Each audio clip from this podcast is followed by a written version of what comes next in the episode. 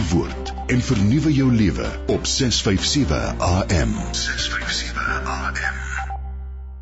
'n Hartlike goeiemôre van my kant af. Dis Christine Ferreira agter die mikrofoon en ons kuier vanoggend saam hier op met hart en siel tot 11:00 op Radio Kansel en natuurlik Kaapse Kansel. Nou vandag gesels ek met skrywers van vier Christelike boeke wat by ons luisteraars sal byval vind. Alexa Stein gesels oor haar Bybelse roman Die Galileërs en daarna vertel Helena Hugo meer oor Verbly julle in die hoop, die tweede roman in 'n reeks van 3. En dan gaan Wendy Martins gesels oor psalms vir kleingoed en joernalis en skrywer Dionette Kok vertel meer oor die skryf van Prison Child, die verhaal van Felicia Gosen wat in 'n tronk in Thailand gebore is nadat haar ma Vanessa Gosen gevange geneem is vir die smokkel van dwelms in 1994. Nou, ek lees vir ons uit Psalm 8 en dit uh, vanaf vers 2 en dit sê: Here ons Here, hoe groot is U nie? U word oor die hele aarde geprys. Alles wat U in die hemelruim gemaak het, vertel hoe groot U regtig is. Uit die blou lug klink simfonieklanke wat aan die lof bring. Deur swak en klein mensies word u groot krag hier op aarde uitgebasuin. En dit laat dit laat my so dink aan die skrywers wat so deur middel van hulle werk en hulle skryfwerk ons op 'n ander manier weer nader aan die Here bring. Hoor die woord en vernuwe jou lewe op 657 AM. 657 AM. Ons begin ons gesprek, ons boekgesprek vir oggend met uh, met 'n gesprek met Alexa Stein en sy is die skrywer van 'n 'n splinternuwe boek wat vroeër vanjaar uitgegee is deur Luka, die Galileërs. Um die verhaal speel af in die stad Magdala aan die oewers van die see van Galilea waar 'n hegte gesin woon wat gerugte hoor van 'n nuwe profeet. Nou Alexa is woonagtig in die Waterberge in die Bosveld en ondanks ondanks 'n bedrywige lewe het sy steeds tyd vir haar stokperdjies en 'n passie vir skryf om dit te kan uitleef en sy het al 5 boeke gepubliseer asook tydskrif en kleuterverhale. So 'n ywerige leser en en en ja, 'n groot groot aanhanger van Jesus Christus, 'n gelowige, diepgelowige mens. Môre Alexa, lekker om met jou te kan gesels ver oggend. Goeiemôre Christine. Dit is gaaf. baie lekker om jou stem te hoor. Alexa, ek het baie lekker gelees aan die Galileërs. Um ek dink omdat ek self al besoek afgelê het aan Galilea en veral Magdala, daardie wonderlike ruïne wat opgegrawe is en die tempel. So dit was vir my ja. besonders geweest. Ek het heeltyd myself terugverplaas soontoe. Ek wil nou vir jou vra, um dit speel nou af in Galilea in die tyd van Jesus. So jy jy, jy maak dit vir ons so lewendig. Maar wat was die inspirasie agter die skryf van hierdie verhaal vir jou? Weet jy, ehm um, Christine, ek dink ek het nog altyd in my agterkop ehm um, behoefte daaraan gehad om so 'n tipe boek te skryf. En ehm um, eendag eh, toe ek nou weer daar in Lukas lees in die Bybel, toe val hierdie teks van Lukas 13 vers 1 my op. Ehm um, ek het by vorige geleentheid ook gesê 'n mens lees baie keer bo oor 'n ding. Ja. En maar met hierdie lees van die teks het dit my getref. Uh daar word verwys na die moord op die Galileërs terwyl hulle ja. aanbid het in die tempel in Jerusalem. En ehm um, dit is dit is eintlik 'n verskriklike gebeure en tog word daar net so half uh terloops daarna verwys deur Christus en uh daar's geen verdere detail daaromtrent nie, jy weet. En dit het my aangegryp en ek het gedink, jene die mense was nog geliefdes van ander mense, jy weet, en ja. vaders van gesinne en wat 'n impak was dit nie dit dit dit nie gehad op hierdie mense se lewens nie, die agtergeblewenes, jy weet dit het my so getref en ek het gevoel daar word so min gesê daaroor en uh so min mense slaan regtig ag daarop. Ek wil graag die aandag daarop vestig. Jy weet. Ja, en hierdie dit is maar dit is maar hoe dit begin het. Dit was my inspirasie. Maar dit is hom eintlik interessant nê, want dit is eintlik geïnspireer deur die Heilige Gees dat jy juis dit moes raak lees en raak sien en en ek moet erken dis is dis 'n stukkie skrif jy's heeltemal reg ons lees behoor dit, mm. dit dit staan nie voorop dit weet dit spring nie vir 'n mens uit onder normale omstandighede nie maar wat nou vir ja. my so interessant is is dat jy nou eintlik dan toe gaan en die verhaal bou rondom mm. hierdie mense en ja. en en ag dit was ek het ek het regtig lekker gelees want ons ken die die die die die skrif so goed nê nee, en ons ken al die stories maar om dit op hierdie manier te mm. lees het dit vir my baie lewendig gemaak en en lekker gemaak en, en mens kon in jou verbeelding sien wat daar aangaan. Maar ek wil nou so vir jou vra. So voordat ons nou verder gesels oor die boek, so 'n bietjie meer oor jou eie geloofspad, jou skrywerspad. Um ek dink kom ons begin by die geloof.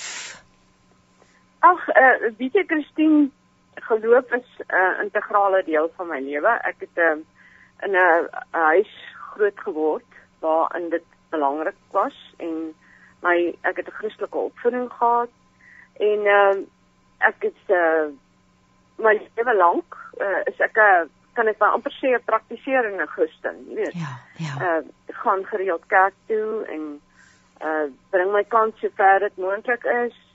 Nee, uh, gebruik nagmaal hmm. en ek probeer ehm, 'n um, Christelike lewe lei, jy weet, ja, uh, ja. in jou omgang met jou medemens is dit vir my belangrik om 'n uh, 'n beeld van Christendom hmm. uit te dra. Hmm. En ehm um, dit is eintlik maar 'n gewone lewe kan 'n mens amper sê. en jy weet met 'n uh, mens met 'n Christelike opvoeding en dit is net absoluut deel van jou. Ek ek wil nou vir jou vra voordat ons hmm. gaan praat oor waar jy begin skryf het, soos wat jy hierdie verhaal geskryf het. Wat hmm. het jy moes jy baie navorsing doen? Hoe het jy persoonlik met mens raak tog as skrywer persoonlik betrokke by jou karakters? Um Ja. Hoe wat Ja, ek het nogal, jy weet, um baie opgelees, uh sover ek moontlik uh, as ek my vaslopende ding, jy weet. Ja. Maar in baie van dit was eintlik maar um amper uh, kan ek sê algemene kennis vir my. Ek het byvoorbeeld um uh, nog altyd 'n liefde gehad vir die ehm um, klassieke geskiedenis en spesifiek altyd belang gestel in die Romeine en hulle gedrag en so aan en ehm um, watse tipe mense hulle was en so, jy weet. Ek het ook ehm um, op hoërskool uh, Latyn as vak gehad en ek het dit vreeslik geniet om uh in daai tyd die uh klassieke stukke te lees, jy weet, en ja. meer te weet te kom van die lewe van die Romeine en die Grieke en daai soort van mense. En uh, dit het vir my uh, was vir my nogal belangrik dat hulle so 'n rol speel het in hierdie boek. Nee, absoluut en jy beeld hulle eintlik so geskiedkundig korrek uit soos 'n mens maar soos jy sê uit die uit die geskiedenis uitgeleer het uit verskillende geskrifte en navorsing. So dis dit jy vat 'n mens regtig terug. Ek wil nou vir jou vra wanneer het jy begin skryf? Was jy van jongs af lief vir skryf? Ek weet jy ek kan jou beswaarlik hoor. Okay, kom ek Ja, ek sal die vraag herhaal. Ek vra waar het jou liefde vir skryf vandaan gekom? Skryf jy al van jongs af? Ja, ek weet ek is uh, iemand wat hou van fantasie. Ehm um, ek het uh, maar op hoërskool al my vreeslik geniet om opstelle te skryf en die soort van ding. In my eerste pennevrugte was 'n totale fiasco. jy kan nie glo as, as ek bær gewoonlik alles wat ek geskryf het, jy weet, deur die jare. En so af en toe dan vat ek daai leer en kyk ek daarna en ek dink, "Jenne mens, wat het jy hier gedoen?" maar dit is maar uh, 'n uh, ding wat dink ek in jou is. Uh 'n behoefte om uiting te gee aan jou gedagtes, aan jou fantasieë en uh, dit is maar hoe ek dink enige skrywer ehm um, kan ek maar amper sê gebore word, jy weet. Uh, dit is vir my uh maar deel van my lewe nog altyd. Ja, Godgegewe talent om dit te kan doen. Nou in die, in die Galileërs beeld jy die lewe van gewone mense uit tydens die tyd wat Jesus in Galilea ja. deurgebring het. En baie van die evangelie word in die storie verweef. Maar ek wil graag ja. hê jy moet vir ons 'n bietjie meer vertel oor die verskillende karakters in die verhaal asseblief. Uh wel eerstens, ehm um, die belangrikste persoon waarmee die storie begin is die pa van 'n gesin. Ja. En en uh hy uh sorg vir sy gesin. Hy's 'n goeie man. Hy's 'n gelowige man. En hy hoor al hierdie gerugte wat die rondte doen in verband met uh Christus. Die wonderwerke wat gebeur, die gerugte van 'n nuwe leier, van 'n verlosser en hy begin naderhand, jy weet, twyfel. Is hy op die regte pad? Is is hy uh hy wil nie verkeerde besluite neem in sy lewe nie, maar is hierdie man nou regtig waarvan nou nou so baie gepraat het? Is dit nou regtig die verlosser waarvoor die volk wag? En uh hy het 'n bietjie van 'n geloofstryd gehad en in die proses ook gesukkel om byvoorbeeld te bid. Jy weet hy hmm. joh van gevoel. Uh hy weet nie wat wat watter kant toe nie. En so het hy toe nou besluit. Hy gaan nou op hierdie pelgrimstog Jerusalem toe, hy gaan tempel toe en hy glo dit gaan vir hom klarigheid bring. En ehm uh, ja, en sy vrou wat hom bystaan, gaan deur 'n moeilike tyd.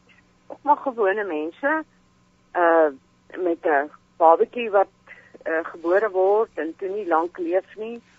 Kinders wat siek word en so aan, maar sy probeer haar bes om 'n goeie huishouding aan die gang te hou. En dan is daar die seun, die oudste seun. Sy naam is Thomas. Sy bietjie van 'n hmm. ongelowige Thomas kan ek amper sê. Uh wat ook maar, jy weet, dis dink ek baie jong manne en jong mense is nie altyd so baie ernstig oor hulle geloof nie en uh hy gaan maar so aan elke dag, jy weet, en hy geniet sy lewe. Ek dink nie eintlik vir sy baie tyd vir hierdie dinge nie, maar in elk geval hy gaan saam met sy pa Jerusalem toe en hy's baie opgewonde daaroor. En dan is daar die dogter, 'n voorbeeldige kind wat in die huis is na haar moeder moet bystaan in uh, in haar laaste dae van swangerskap die versorging van die jongste boetiekie moet oorneem en so aan, jy weet. So ek het probeer om 'n um, 'n prentjie te skep van 'n uh, gesin wat uh, gelukkig is, waar waar daar stabiliteit is. En uh, dan uh, gebeur al hierdie dinge. Hmm. Dan is daar nou randfigure, vriende en uh, ook byvoorbeeld 'n vriendin van die moeder wat uh, hulle kind deur Christus genees word van sy siekte en uh, Ja, dis basies die karakters en jy weet, die ander gaan ek nou nie in te veel detail. Die hoofkarakters is maar hierdie hierdie gesin. En die, ag, die ander karakters kleurend natuurlik pragtig in Ira die bedelaar, die blinde bedelaar wat genees ja. word en so dit ja. is dis regtig leerlik hoe jy dit inweef al die gebeure en jy verplaas ons hmm. na daardie tyd, nee, dit was so lekker mens mens daar's soos al die storie agter die storie amper wat jy vir ons vertel. Maar nou wil ek vir jou vra ja. Alexa, is daar temas wat vir jou uitstaan in hierdie boek en dinge wat vandag nog vir ons as gelowiges relevant is? Jy het gepraat oor die vertwyfeling van van van die pa, ehm um, jy weet en en en en ja, die is so wat ja. maar die temas, wat wat het jy in jou agterkop gehad terwyl jy geskryf het en wat het eintlik uitgespring op die ou uiteinde want die want die boek ontwikkel ook mos soos wat jy skryf ja, jy weet ehm um, my uh die ding vir my soos ek nou net gesê het, die belangrikste ding is uh dit gaan nie net vir my as gelowige nie, maar ook vir die gemeenskap in die algemeen. Die uh die gelukkigheid wat uh gesinslede kan ervaar in 'n hegte gesinsverband, die ehm uh, die sekuriteit wat dit bied vir hmm. mense. En dit is uh, tot vandag toe dink ek 'n uh, baie belangrike aspek van die samelewing. En as 'n gelowige moet gelowige mense behoort, dink ek, ehm um, gelukkige gesinne te hê, jy weet. En dit is vir my 'n belangrike tema. Dit is ook van toepassing op vandag waar daar so baie geweld is. Ja. En dan is daar ook natuurlik vir my wat vir my ook betref die die ongelykheid in tussen die geslagte. Die miskenning van vroue Ja. uh, wat vandag nog in baie uh, lande en volke en godsdienste uh hoogtyd vier.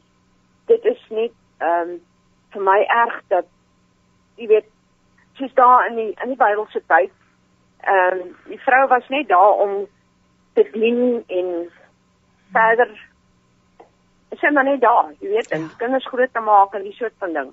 Dit is geen regte gehad nie en dit dit is iets wat my vandag nog verskriklik tref. Elke keer 'n mens lees dikwels in die koerante ook nou weer 'n nuus gewees van die vrouens wat uh, beperk word in alle opsigte, weet, van vrou wees.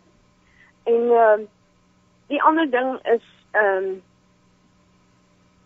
ja, wat kan ek nou nog sê? Ja, daai die kwessie van depressie. Ja. Ja. Dit was vir my ook 'n ding.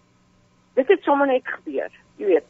Uh dit het nou 'n mens kan nou vandag dit 'n naam gee. Vandag sê hulle sê die moeder van die huis het gelei aan nageboorte depressie. Daar was nie verhaal nie, niemand het geweet wat gaan aan nie en toe boonop moet sy hoor dat haar man vermoor is. So sy het heeltemal oor die wa gestort. En uh dit is ook 'n ding wat wat vandag baie gebeur.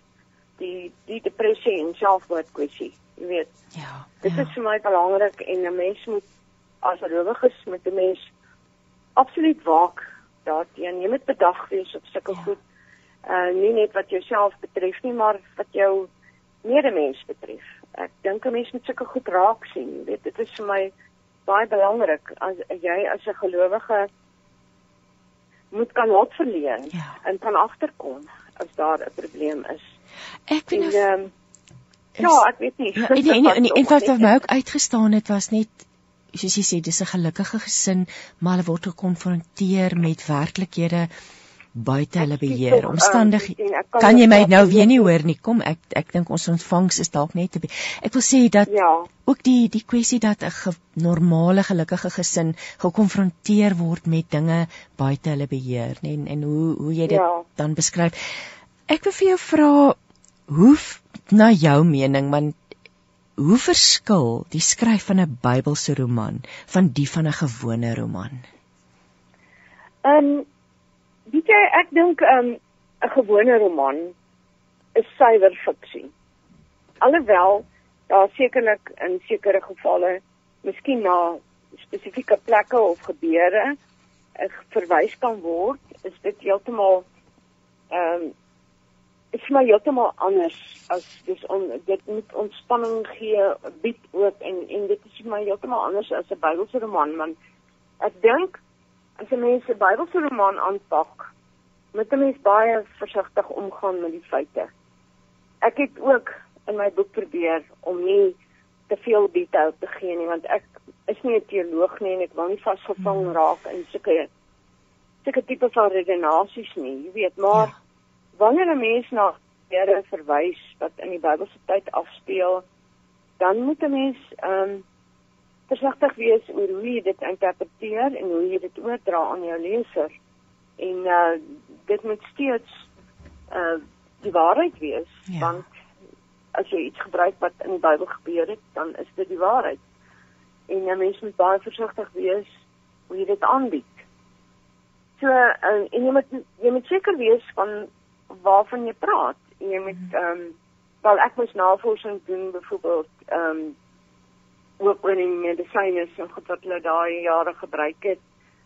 Die ehm um, die men, die maniere van wat hulle geëet het, wat hulle hulle klere dra, al al daai tipe van dinge, jy weet, ehm um, 'n mens moet mooi mooi mooi dink voordat jy goed skryf.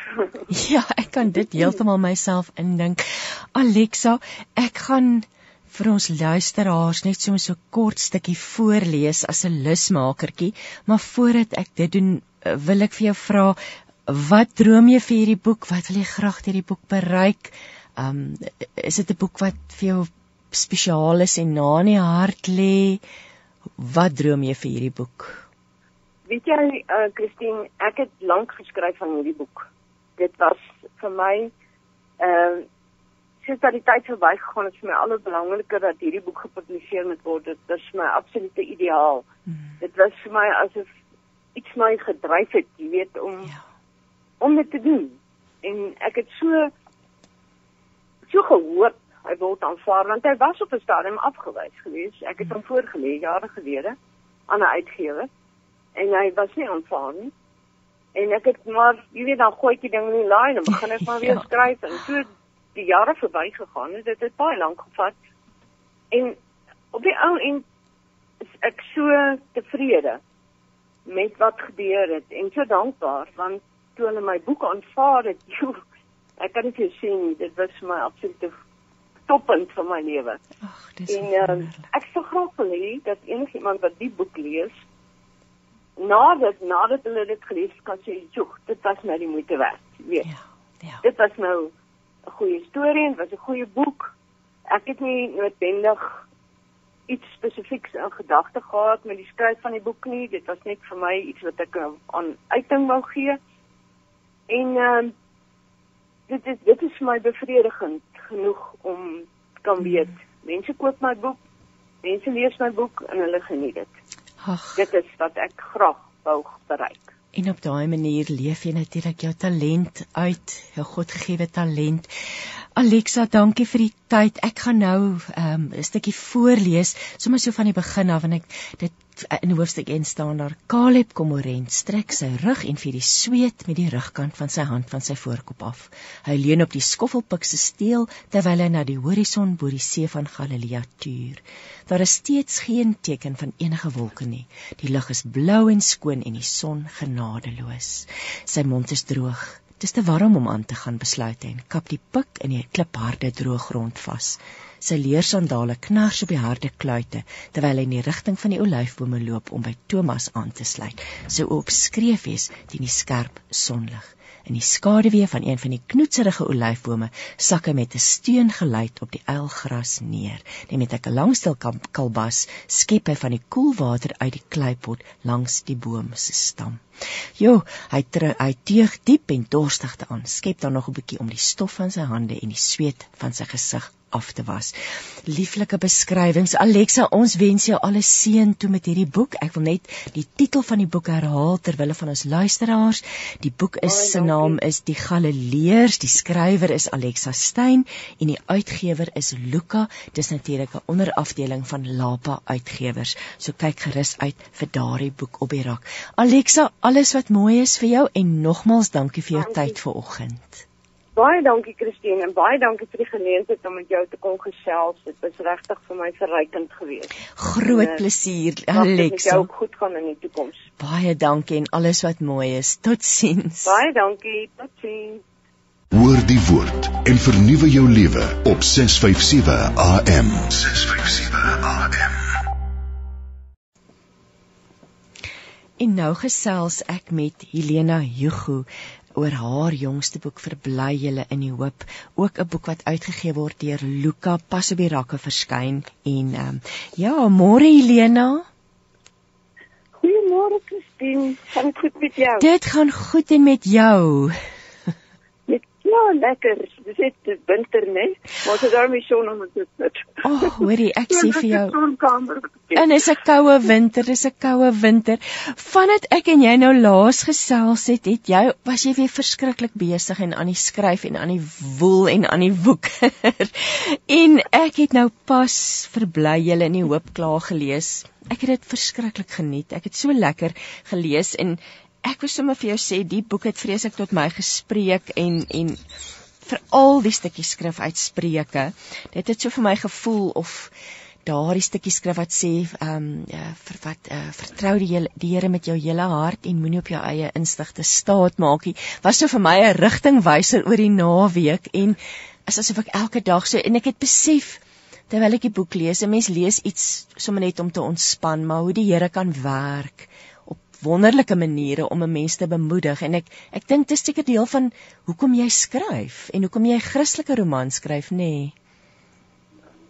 Ja, uh, kyk ek ek luister vir jou ek het so bly hierdie boek gelees want uh, die die boek het op die ou einde 'n baie mooi eindig en uh, dit dit dit vertel hoe die Here met met ons werk. Jy weet al al al ja. klei ons baie keer vir ons standaardhede en uh, soos soos uh, Andreas nou vir sy pa gesê het, dis nie uit ongeloof nie, dis uit moedswilligheid en ongehoorsaamheid. Ja. Jy weet ja. uh, waarom hy so gesukkel het om uit te kom by die droom wat sy pa vir hom gehad het. Maar uh, ja, die die boek raak baie aspekte aan. En hy is te veel, né? nee, weet jy, en hy's natuurlik ek hy volgende het ek opgeloof soos 'n mosterdsaadjie want hierdie is een van 3 dis die tweede boek in hier in 'n 3 like reeks. So ek het ek het ek kan nie onthou wanneer die geloof soos 'n mosterdsaadjie verskyn het nie maar ek moes soos of ek gelees het het die storie weer teruggekom net want want jy jy jy vat hom eintlik net verder Andreas se verhaal in in hierdie boek. Maar kom ons praat oor die titel want die die titel verwys na Romeine 12 vers 12. En nou wil ek vir jou vra, wat het vir jou en die uitgewer laat besluit op hierdie titel? Weet jy ons het ons het nou geweet dit dit moet oor hoop gaan. So uh, wat wat wat wat ons toe gedoen het, wat ek altyd doen, ek ek het hier so 'n konkordansie en dan gaan soek ek onder hoop uh, die versies in die Bybel uh, uh, wat wat dan nou vir so 'n goeie titel sal gee en en en so algemene oorsig oor wat ons nou bedoel met die boek. En en en weet jy wat, daar is regtig baie baie in die Bybel oor hoop. Ek ek het dit so toe nou weer gaan kyk, uh, gaan soek ek vir die versies op het besef dat hy ek is nou hier besig om om om 'n om 'n hele om 'n doktorsgraad uit te werk.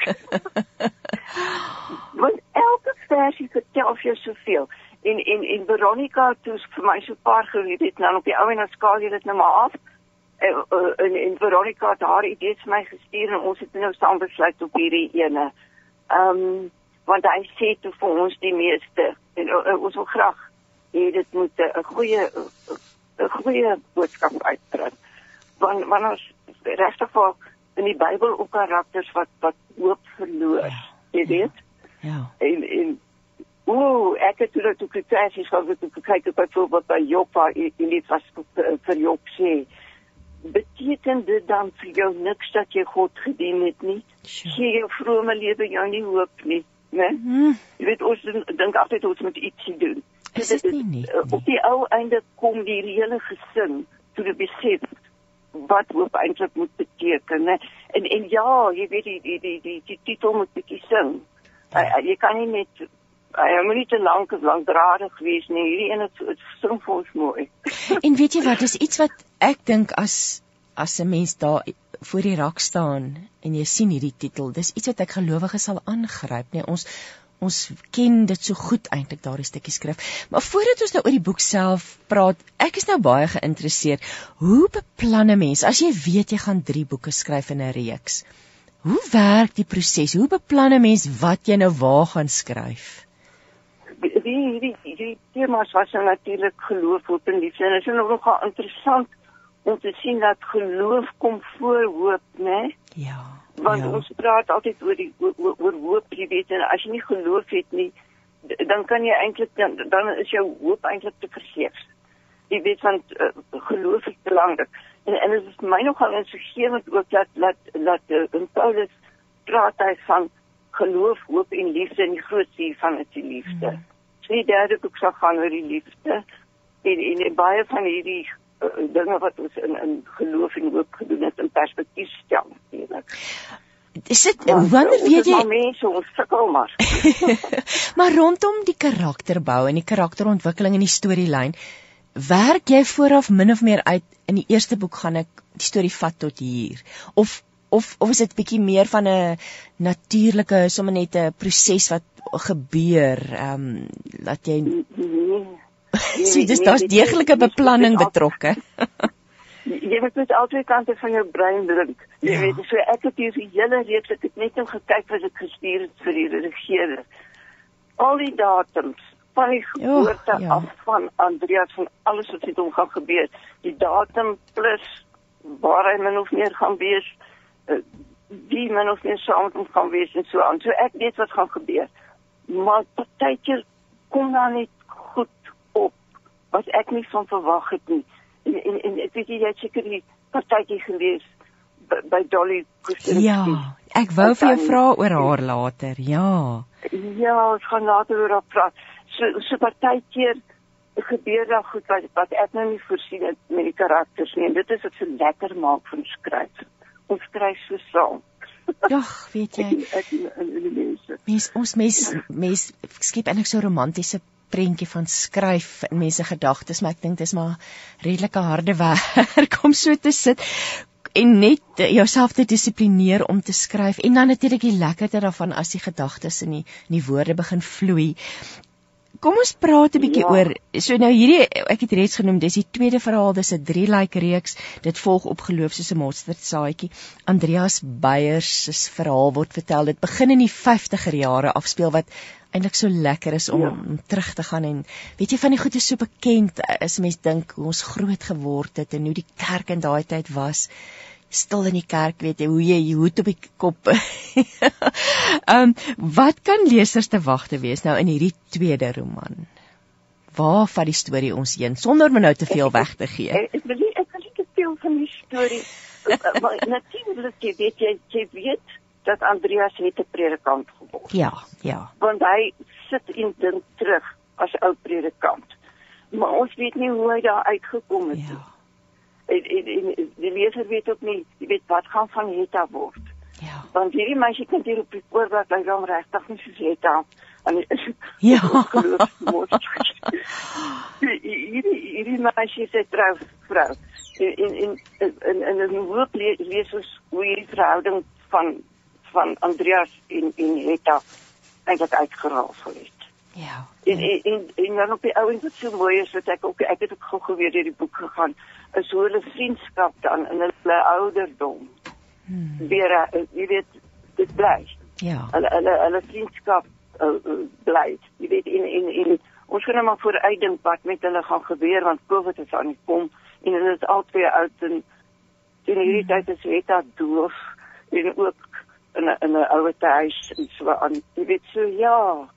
Uh, maar die oorgrootste meerderheid van die van die verhaal speel maar eintlik af in die verlede nê nee, want om by daai ja. plek uit te kom wat het nou gebeur? Hoe het hy predikant die geloofstwyfel tema word steeds aangespreek. Dis dis want dis kom ons praat 'n bietjie daaroor want dit was Andreas wou van die begin af het hy nie eintlik geweet wat gaan hy met sy lewe doen nie. Hy het vrae gehad. Maar kom ons gesels 'n bietjie oor geloofstwyfel want dis ding iets wat met baie mense gebeur. Ek dink dit kom dalk 'n stadium in elkeen van ons se lewe wat ons wonder, jy weet. Maar ja. vertel, vertel ons 'n bietjie meer oor wat selfs sy ouers. Ja. Selfs sy ouers het pa wat predikant was. Ja, ja. Jy weet 'n mens is baie keer in angs. Jy weet verloor jy op daai oomblik net jou sekerheid want want hmm. hy het mos op die preekstoel gaan staan en dit is 'n ander tema wat deurkom, hierdie geloftes. Ja. Wat mense doen. Jy weet jy jy jy jy gee nie heeltemal oor aan die Here en dink jy o o jy moet iets gee. Ja. Jy moet iets meer doen as net om te glo. En selfs hier op die kant hy gaan staan voor die preekstoel en uh, daai kersfees toe hmm. Andreas uh, sy ma in kraam gaan. En en wel in die, in die boek sou ons nou sien hoe hoekom dit vir hulle so hmm. verskriklike uh, ek kwessie was. Jy weet dat hierdie hmm. kind moes kom. Hy moes gebore word jy weet en dit was vir hulle belangrik en hoe lank hulle gewag het vir hom. En dan het op die plek toe gaan vir die Here beloof ek sou kind teruggee. Hmm. en dit, ek meen vir die predikant en, en baie mense doen dit. Ja. Ons doen dit. Ons dink ons moet vir die Here uh, iets opoffer sodat hy vir ons ons drome kan waarmaak. En en en, en dan op die ou einde dan uh, sien vertel hy maar op hom. Jy weet, ja, die boek begin mos nou weer waar waar sy pa in die hospitaal lê. En en van vertel. Ek het 'n vreeslike las op jou skouers gelê. En ek het namens jou vir die Here gelofte gemaak. Jy weet jy en en daai ding werk uit dit klaar. Jy weet en hulle hou hom dop. Want hulle wil graag hê hierdie hierdie hierdie hoop van hulle moet uitkom. Jy weet so dis so mense wat net so glo, ek sterk geloof. En in intussen was hulle geloof tog eintlik baie sterk want dit het hulle gedra deur hulle moeilike tye met die twee seuns. Jy het nou so so iets ja, en, en die arme Andreas, jy weet hy is toe nou mos nou moet, mens nou die droom uitleef sommer vir altyd die boeties. ja. En, en, en dit het 'n vreeslike verantwoordelikheid op sy skouers gesit. Ja, Weet jy jy jy sê so 'n waar ding dat ons en jy het dit vroeër ook genoem dat ons voel ons moet iets doen. En die genade is gratis verniet vir ons nê. Ons hoef niks terug te doen nie. Die Here gee vir ons. Maar dis dis lieflik vir my hoe jy hierdie stryd, hierdie innerlike stryd verbeeld en dis soos 'n goue draad nê wat wat deurloop hierdie stryd en dan partykeer gebeur goed wat nie eens jou eie skuld is nie wat dit nog aanwakker dat dit die, die stryd nog veller word. Maar en en natuurlik jou jou beskrywing van daardie tyd want dinge was anders nê in die 50er jare. Um waar einde ek dink jy vat hom tot hier by die 60s of nog nie heeltemal nie as ek nou nie mis dit nie. Bly ons in die 50s in in in Andreas se jong dae. ja dit dit dit- dit dit is 'n ander soort tyd. Ja. En en- ek het verskriklik navorsing doen. Ek het dit regtig 'n lat gepluk om myself net te slaan. Ja, goed dat ek niks van weet, nie, maar dit is interessante tye. Ja. En en en de- daar waar universiteit is, maar nou in die Kaapse Universiteit is en en die groep die jy weet in in Ja. die politiek wat wat ook 'n rol gaan speel. En eh, op die ou einde uh, wel uh, Andreas uh, was van die begin af iemand met deernis. Hy het raak gesien dat die plaaswerkers anders behandel word. En en op die ou einde is hy en sy vriend natuurlik op universiteit op 'n bietjie dwars van die regering want die regering was absoluut uh, apartheid ingetree. Ja. En later het die, die kerk besef dat dit 'n fout was, maar daai tyd het hulle glo dit reg. En dan was dit so hier en daar i- iemand wat wat besef het maar, maar hierdie dinge is verkeerd. So ek moet nou daaroor skryf en ek, ek weet nie ek, ek, ek, ek nou baie oor oor hulle studente lewe gaan skryf nie. Ek moet ook maar pas op dat ek nie nog weer 'n vierde boek Want daar is, weet jy, die een toneel wat jy beskryf was my so mooi. Ek kon dit so visualiseer. Um, die koor, die aand dat die koor opgetree het en dit was 'n en hoe hulle hoe hulle so mooi in hulle aandpakke aangetrek was en die ma wat vir Andreas se valletjies hemp gegee het vir sy vir sy verjaarsdag. Eh, Lieflik geweest om terug te gaan in tyd en en en en net weer dit is so te Ja. beskou. Kom ons praat 'n bietjie oor die beloftes van die Bybel want dit is een ding wat wat wat 'n mens ook agterkom as soos jy lees dit. Jy herinner ons deur die verhaal dat die beloftes in die Bybel staan vas. Ja, ja, op die ou einde al al doen ons wat goed verander nie. En God het 'n plan, het 'n plan met elkeen van ons lewe. Maar maar ons moet leer. Jy weet ons, ons moet 'n pad loop. Hmm. Gaan gaan na al die die die die, die uh Bybelkarakters. Jy weet wat kan ek so vir vir uh uh ek probeer net ek moet spoeg die naam van die Hanna, Hanna was een van die karakters of een van die Bybelkarakters Ja, ja, wat ook wat- in die boek soort van 'n uh, 'n verskyning kom Ja. maak. Ja, ja, en, en sy het ook jy weet vir die Here beloof natuurlik sy sal haar kind teruggee. Hmm. Jy weet as hy net vir haar uh, 'n moederskap gee, sal, sal hy en en jy weet ek ek dink as as as ons vir die Here iets beloof het, dan moet ons dan ernstig daaroor wees. Jy kan nie sommer los en vat eh, beloftes maak nie. Ja. Of geloftes maak nie. Jy jy, jy moet daarby hou. En en en, en dan is- dan dan, dan natuurlik dan is jy die, die gewete van jou wat jy die hele tyd pla. Maar die Here uh, verstaan ons. Uh, hy hy hy is lief vir ons. Jy weet hy hy's geduldig. Die Here is baie geduldig met ons. Ja, want want die die, die, die lewe is nie net maanskan en rose nie en en en en jy skryf ook in die realiteit in terme van ons sondige menswees nie en dat die Here se genade altyd daar is. Kom ons Ja. gesels bietjie oor die karakters. Is daar nuwe karakters wat bykom? Eh, Hoe werk jy hoofsaaklik met die karakters uit die eerste boek? Ja, ja, die, die, die daar is nuwe karakters en uh, natuurlik die uh, uh, die vriende uh, die Doniale Ja. en uh, Jan uh, ons leer 'n bietjie meer van hulle. En dit is nogal 'n verrassing. Uh, wat hulle voorspring en en en, en Tannie Dolly. Ja. Kusinski. Ag, dis tog weet jy, dit is so baie vreeslik mooi daai partytjie en en hoe sy vir die jong mense sê Ja. julle julle moet julle moet ophou te redeneer. Jy weet, ontspan net. Ek is nou eh, hier so ek is eintlik oop. My boek is oop daar. Dit is so mooi. Dit sê Vidonia los die helfte van haar kos op haar bord. Val haar servet en gaan lig die ou dame uit haar stoel. Niemand eet nie. Hulle kyk hoe Auntie Dolly by Vidonia inhak sy waai vir hulle. You young ones enjoy the rest of your evening and drive home safely almal groet maar sy het nog iets op die hart don't reason too much live life one day at a time and trust in God good night my dears Ja. we love having you do come again Sjoe, want Auntie Dolly is nou, dit is 'n lekker, dis was was ook vir my 'n lekker stukkie in die boek gewees om te lees oor haar en natuurlik ons gaan nou nie weggee wat alles gebeur nie. En natuurlik dan nou Benny. Donia wat wat hulle gedoen. Nee, en dit snaaks is nou ek wil nou amper sê toevallig, ek kan nou nie eintlik sê toevallig nie. Maar weet jy, dit is nou die bladsy wat ek net nou gesoek het. Kan ek jy wil graag daai. Dis hoe dit werk, nê? Nee? Al en, en, en, ja, en en dan die belangrikste, die heel belangrikste nuwe karakter is natuurlik Benny. Ja. die die ja. ja. wat wat langs uh, Andreas in die Griekskras sit.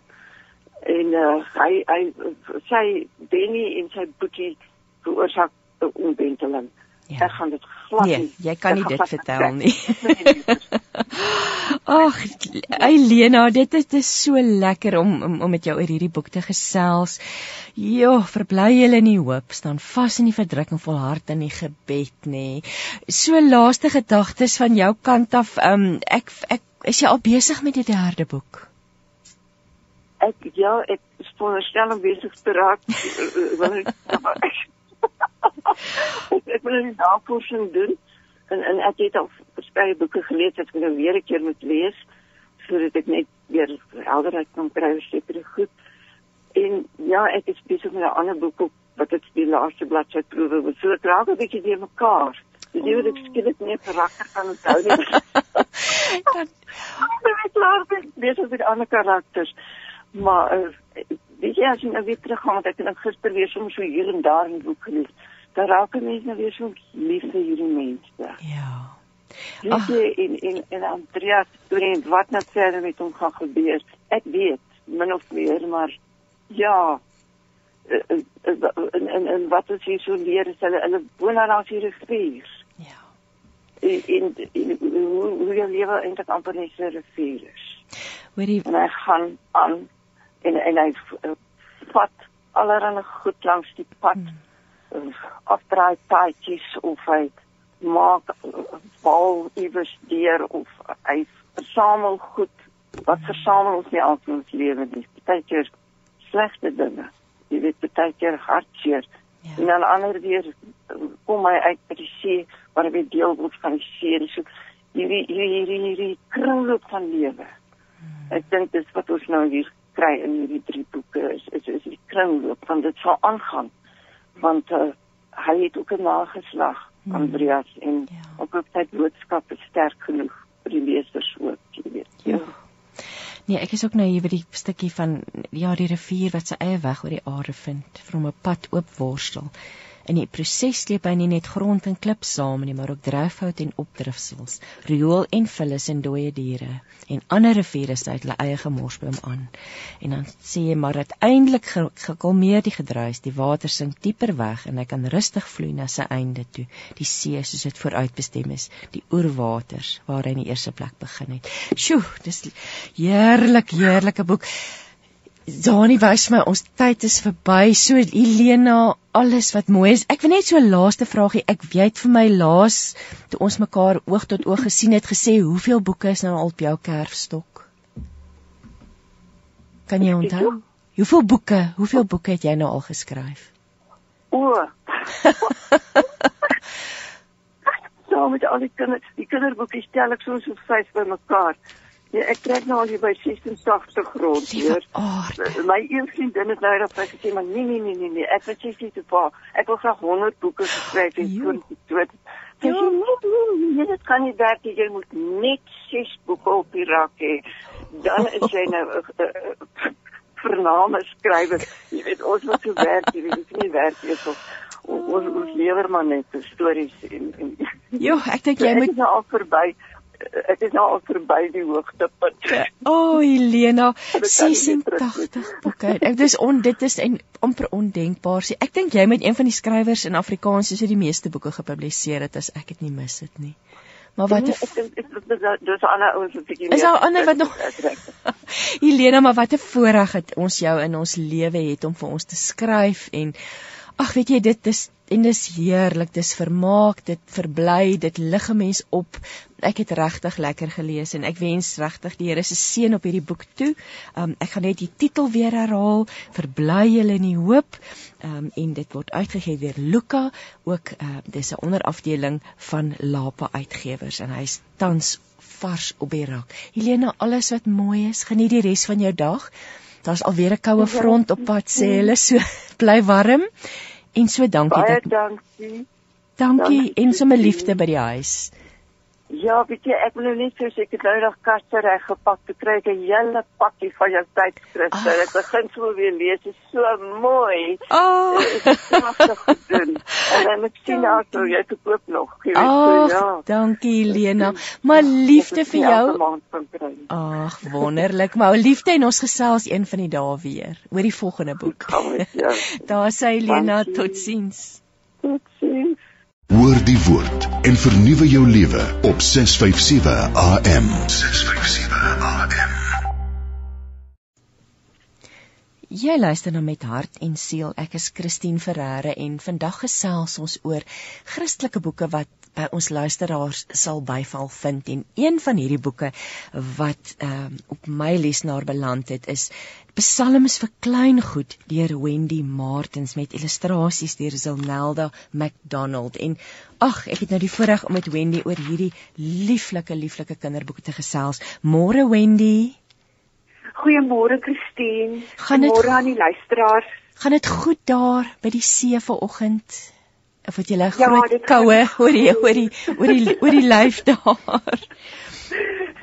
dit gaan goed, dankie Christine. Um, ek wag nog vir die sonnetjie om uit te kom. Hy's die afgelope paar dae maar skaars, maar ek weet hy's daar agter die wolke. My ma praat so sy woon ook daar in onder in in die Suid-Kaap en sy praat van die klein heilige sonnetjie. sy sê hy, hy lyk of hy van lekker skyn en dan verdwyn hy net weer. Wendy, ek sal dit onthou. Kan jy onthou die Psalms vir klein goed? Weet jy, in die eerste plek die net die omslag is so vrolik, so mooi. Um Zenelda McDonald het dit vir, vir geillustreer en ag mens kry sommer net lus om dit te lees al is jy 'n groot mens. Ek wil nou vir jou in die eerste plek vra, ek het 'n klomp vrae wat ek wil vra, maar ek wil eers vra wat het jou laat besluit om hierdie boek te skryf? Psalms vir klein goed. Christine, baie dankie vir die geleentheid om te kan praat oor hierdie boek. Ehm um, Ek was nog altyd bewus daarvan dat die psalms nie toeganklik vir kinders is nie. Tensy 'n kind nie 'n volwassene het uh wat regtig daardie spesifieke kind aan die hand vat en die psalms vir hom oopbreek nie. Um het 'n kind nie toegang tot die psalms nie. Um ek was in die bevoordeelde posisie gewees ek het vir ma gehad. Ons het nou al oor haar gepraat. Ehm um, en sy het Psalm 23, sy het met hom begin. Sy het hom vir my versie vir versie aangeleer. En die boek is ook aan haar opgedra. Ehm um, en dan terwyl ek skool gehou het, was ek ook bewus van die feit dat ehm um, nie alle kinders is groepskinders nie. Baie kinders het 'n behoefte om alleen op hulle eie ehm um, ietsie te soek waarna hulle kan vashou. Ek het hulle so dopgehou in die klas ook soms en in die leeshoekie. En ek het besef, um, daar's 'n behoefte, maar ek moet vir Barend Vos dankie sê uh wat eintlik die vlammetjie gebring het vir Psalms vir klein goed in die opsig sy boek die ewigheid in my hart met 'n uh, gebed vir elke dag van die jaar uit die psalms of wat van toepassing is op die psalms. Ehm um, daardie boek is 'n baie spesiale boek. En toe ek met daardie boek in my hand staan, ehm um, het ek net besef nou nou moet ek iets doen. Ehm um, hy het regtig vir my daardie liggie gebring. Ehm um, daar was 'n spesifieke gebed in of daar is 'n spesifieke gebed in 'n Nigeriese gebed.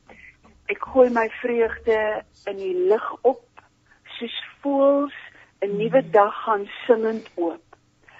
Daardie gebed het my voor die bors geslaan. Hm. En en dit dis nie die Heilige Gees. En dit was net ongelooflik hoe daardie gebed my getref het. En ek het net besef ek moet nou 'n plan maak. En um, ek het vir Susan Jordan, um, my opdraggewende redakteur by Lux Werby gekontak. Dit was in 2018 dink ek. Hmm. En ek het vir haar gesê van my behoefte. Ons het koffie gedrink by ons huisie restaurantjie daar in Blouwerstrand en Susan het altyd 'n gewillige oor en um, ag ek is haar baie dankbaar. En Susan het die dag gesê gaan skryf vir my 10. Gaan verwerk vir my 10 psalms en dan kom jy terug na my toe. En dis waar dit begin het. Ja, en op die ou uiteinde nou wil ek vir jou vra, hoe het jy te werk gegaan om die psalms te kies wat in die boek vervat is. Kom ons, hoeveel, hoeveel het jy op die ou uiteinde want daar daar's beslis meer as 10. Ek het nou nie getel hoeveel nie. Weet jy hoeveel jy toe verwerk het aan die einde? Ehm um, die opdrag was 45 ehm um, vir die spesifieke uitleg van die boek. Ehm um, aan die linkerkant is 'n volblad illustrasie, daai lieflike illustrasies ja. van Zenelda en dan aan die ander kant is 'n volblad gewy aan die verwerkte psalm. Ja. Mm. Um, en hoe het jy gekies? Ek, Want daar daar daar's tog soveel psalms om van te kies. Ja, dit was nogal 'n groot taak. Um, ek het by Ma se Psalm 23 begin. Dit was die heel eerste een uh, wat ek beproef het met die verwerking want ek het nie geweet hoe ek dit gaan doen nie. Ja. Ehm um, so ek is 'n organiese skrywer. So om net eers die stem te vind om dit mee te skrywe, uh was 'n proses gewees. En toe ek die stem vind, ehm um, toe het ek gaan sit en stuk vir stuk ehm um, neergepen psalm vir psalm. Ek het nie vooraf gaan sit en 'n lys gemaak nie. Maar ek het my laat lei heel eerstens deur my eie gunstelinge. Die psalms wat die meeste emosionele energie um, in my hart genereer. Die psalms wat regtig die Heilige Gees in my hart laat voel. Um, en uh, ek het soms volledige psalms gebruik, maar baie keer was daar enkele verse wat tot my gespreek het en dan het ek hulle uitgehaal. Dan het ek die kring weier gemaak um deur op 'n tydstip te gaan en die psalms van voor tot agter deur te lees, maar dit het ek gaan doen met my 9-jarige oë. Ja. Um en in die proses het ek die psalms gelees um en gevisualiseer watter beelde kom op wanneer ek dit lees. Watter beelde wat ek vir 'n kind kan aanbied uh wat dit sou lees. En ek het my daarvolgens laat lei. Um, in die proses het sekere psalms uitgeval en ander het eenvoudig uit die bladsye gespring na my toe. En ja, so het ek so het ek gewerk tot ek 45 is. Vir vir watter ouderdom Wendy? Wanneer wan watter ouderdom is hierdie voorgeskik? Ehm um, ek sal sê met vir voorlees sodra 'n ouetjie 'n redelike begrip het van sy wêreld en van liewe Jesus, kan mamma dit al vir hom of sy versorger Hmm. dit al vir hom begin voorlees. So ek sal sê hierso van uh 4 af. Ja. En dan tot en met 8, 9 Ja. selfs ouer. Ehm um, die boek kan ook in gesinsverband gebruik word. Ehm um, Resensent Louise Viljoen uh van Jeffreys Bay het so rukkie gelede gesê sy versorg haar ma en sy sê ehm um, sy lees uit hierdie boek vir haar ma in die aand voor. Ehm um, en haar ma geniet die illustrasies. Ja. En ehm um, so ek dis primêr op kinders gerig, primêr op die kleiner kind gerig, maar my doel is ook dat dit sinne sal bind, dat dit die band tussen ouer en kind hmm. sal hegter maak Hmm. en dat dit op die ou einde ehm um, die Heilige Gees eh, die goeie Vader sal intrek in 'n verhouding in tussen ouer en kind of tussen juffrou en kind of juffrou en klas. Ja. Ja, Ja. ek hoop ek antwoord jou. Nee, jy antwoord hom beslis. Wendy, maar ek dink voordat ons verder gaan, ek glo ons luisteraars is nuuskierig om te hoor hoe klink dit. So wil jy nie vir ons Psalm 121 voorlees net? O, dit was die een wat ons ja, Psalm 101 en nee, ek jok nou, nie Psalm 101. Kom ons begin met Psalm 27 vers 1 tot 10. Goed. Dankie Christine. Ek het ja, ek het vers 1 tot 10 ehm um, in die geval verwerk. Ehm um, die opskrif is die Here is my vuurtoring. Die Here is my vuurtoring en my lewensredder. Hy is my verkeerskonstabel, my veiligheidswag, my brandweerman. Die Here is my veilige wegkruipplek. Vir niemand is ek bang.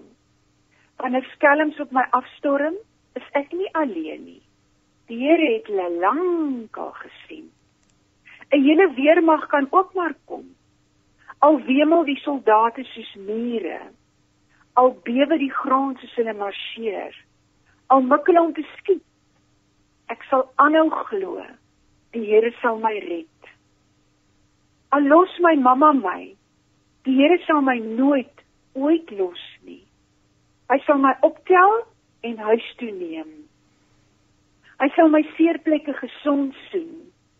Vir my iets gee om te eet en vir my 'n storie vertel. By hom sal ek bly solank as wat ek wil. O, oh, dis pragtig. Weet jy dit spreek tot 'n groot mens hart. Jy's heeltemal reg. Dit spreek ook tot 'n groot mens hart. Pragtig nee, wat die wat waar die, die Here is my veilige wegkruipplek. Ag Wendy, jou liefde vir kinders, ek bedoel dit dit is so 'n dryfkrag agter wat jy doen en ek weet jy besoek gereeld skole en jy hou praatjies. Dis asof jy maar nie die onderwyseres in jou kan kan laat agterbly nie, nê? Vertel vir ons 'n bietjie meer. Wat wat sien jy raak? Dit was my so mooi toe jy nou nou vir ons gesê het hoe jy die kinders waarneem en na hulle kyk en hoe hulle sit in die leeshoekie. Hierdie praatjies wat jy nou hou, vertel vir ons 'n bietjie meer. Ehm um, ek besoek gereeld skole, ja, dank vir my my uitgewers en ehm um, danksy gemeenskappe wat my uitnooi. Ehm um, en dan ook biblioteke ehm um, en leeskringe. En ehm um, ag, dit is altyd 'n spesiale ervaring, Christine, want dan kry ek regtig kans om te gesels met die persone wat my boeke lees en wat dit gebruik, soos Mm. onderwysers en kinders um se behoeftes, se baie spesifieke behoeftes in die baie spesifieke ruimte waar hulle werk. Um elke skool het mos 'n hart. Ja. En as 'n mens by 'n skool instap, jy voel onmiddellik die atmosfeer. Um jy word jy jy word deel, jy word bewus van onderwysers en kinders se vreugdes, van hulle vrese, uh, van hulle uitdagings. So ek kom met 'n vol hart terug huis toe. Ek gaan om met hulle te gaan gesels, maar die geskenk wat hulle my gee deur my in hulle ruimte toe te laat, um, is net vir my oorweldigend. Ek kom terug na my studeerkamer toe met soveel emosies. Ehm um, wat net 'n uitlaatklep soek en dis dan wanneer ek weer aan die werk spring met daardie spesifieke persone se stemme, se gesigte, met daardie spesifieke ruimtes in my gedagtes. Ja, en ehm um, ag dit en natuurlik elke keer vir my 'n voorreg en geïnspireerd om weer te skryf nê. En ek neem aan dit bied ook vir jou die geleentheid om te hoor wat is op kinders se harte nê en wat is op die onderwysers se harte. Ja, ja.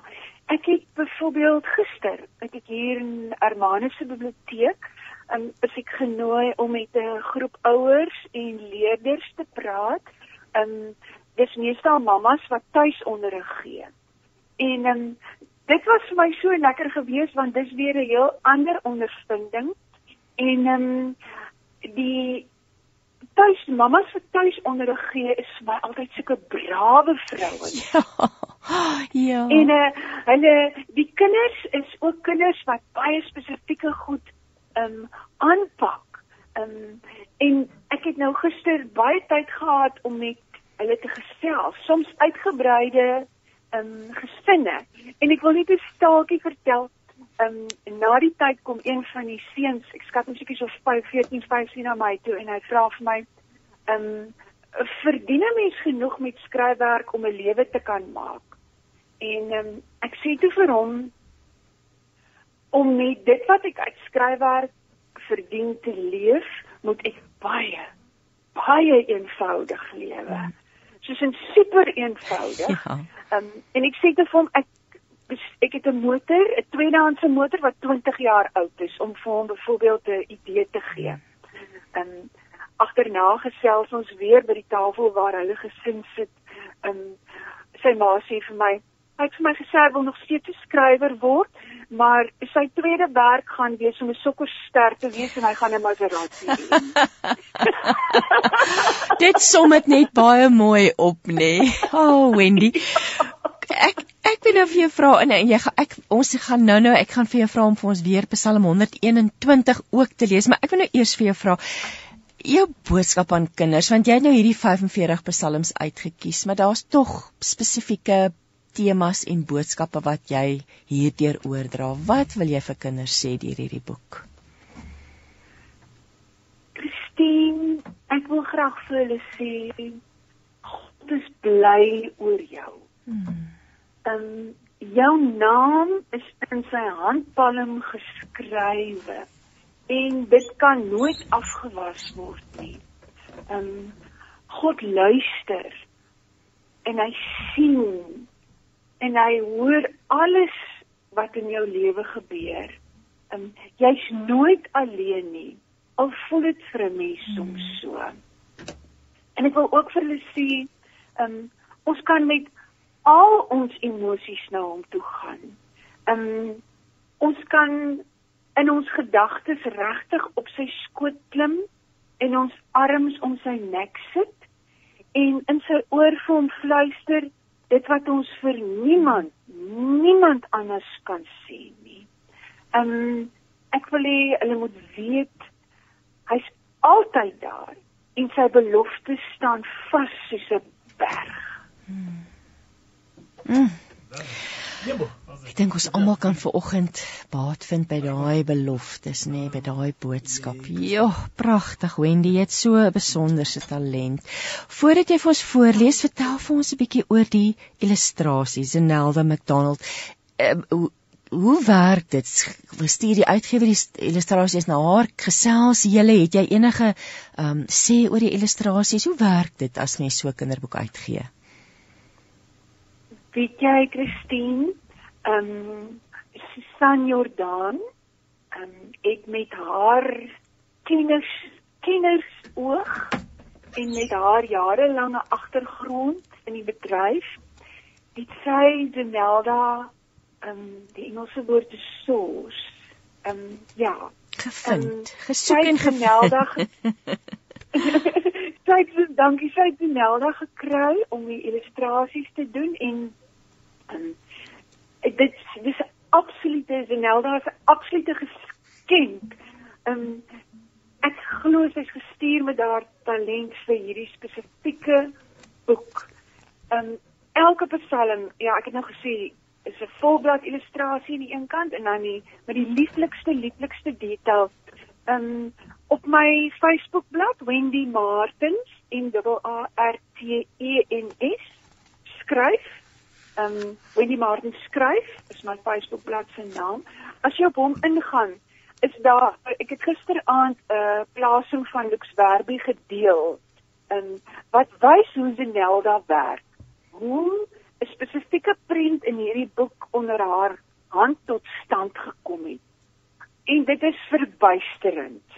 Ehm um, gaan kyk dit gerus. Dis ook op Luxwerby se bladsy. Ek het dit gedeel. En is interessant die die, die skets is amper driedimensioneel. Dit lyk of sy met laag werk of daar papierlaagies is en dis regtig mooi. Ek moet sê en vrolik. En natuurlik sê dit Ja, dit sê alles oor wat in die Psalm geskryf staan. Kom ons Mens kyk met nuwe oë na psalms wat 'n mens baie lank ken as 'n mens na Zenelda se illustrasies kyk. Ag nee, dit is regtig waar. Dit is pragtig.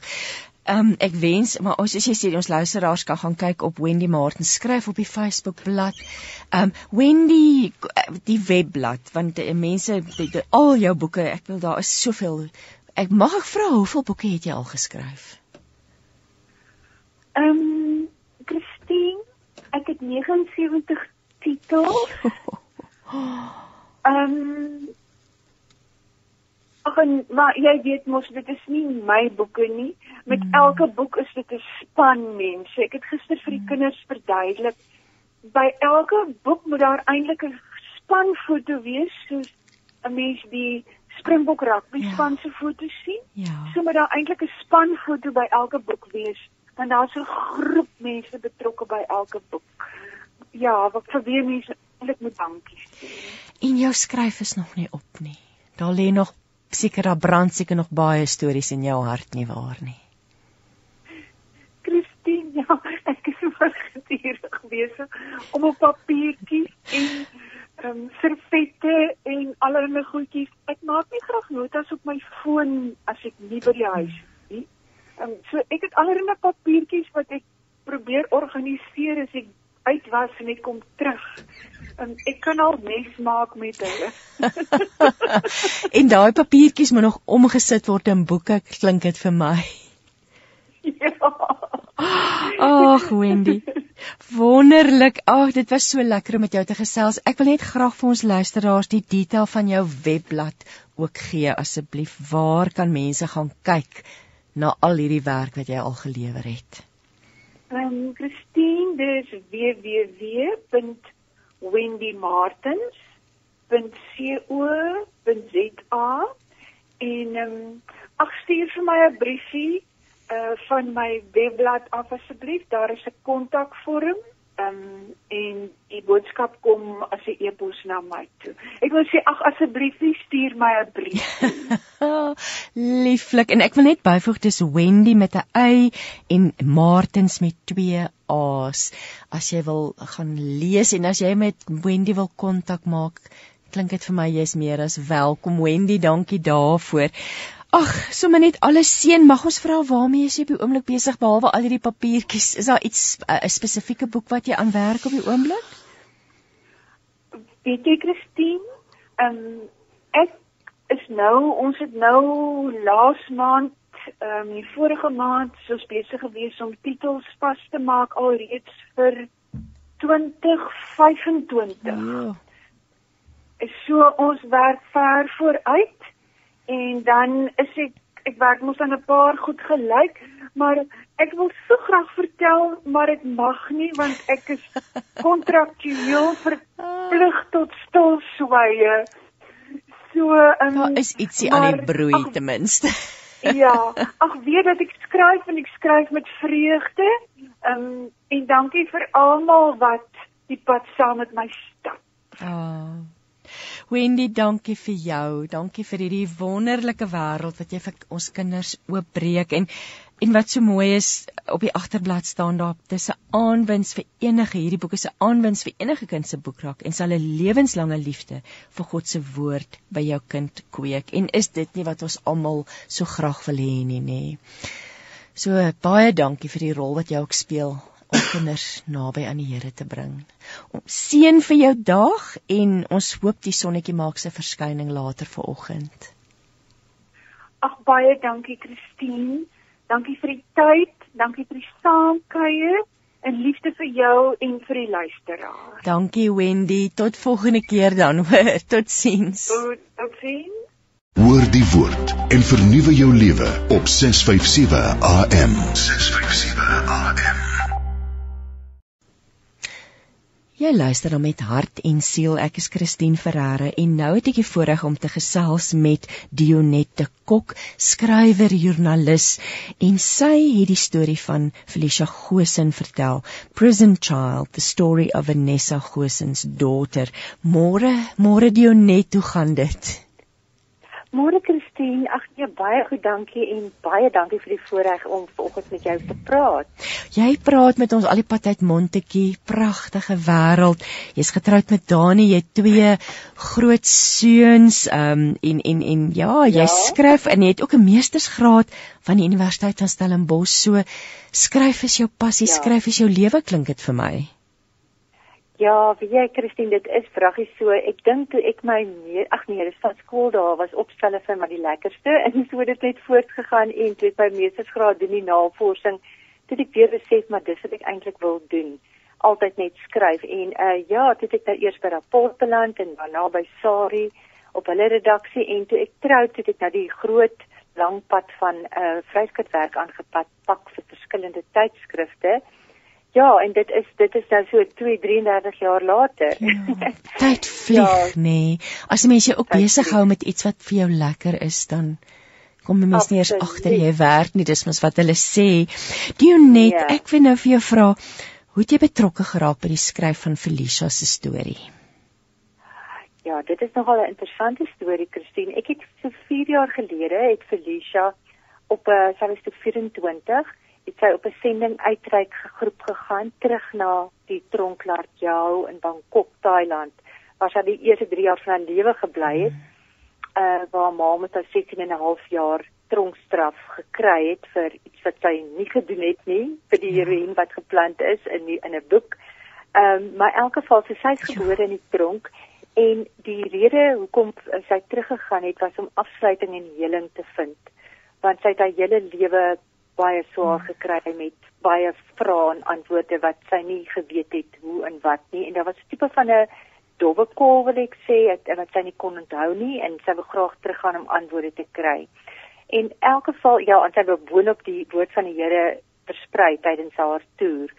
En toe sy terugkeer na Suid-Afrika, het sy 'n artikel oor Felicia geskryf vir die Christelike tydskrif Lig.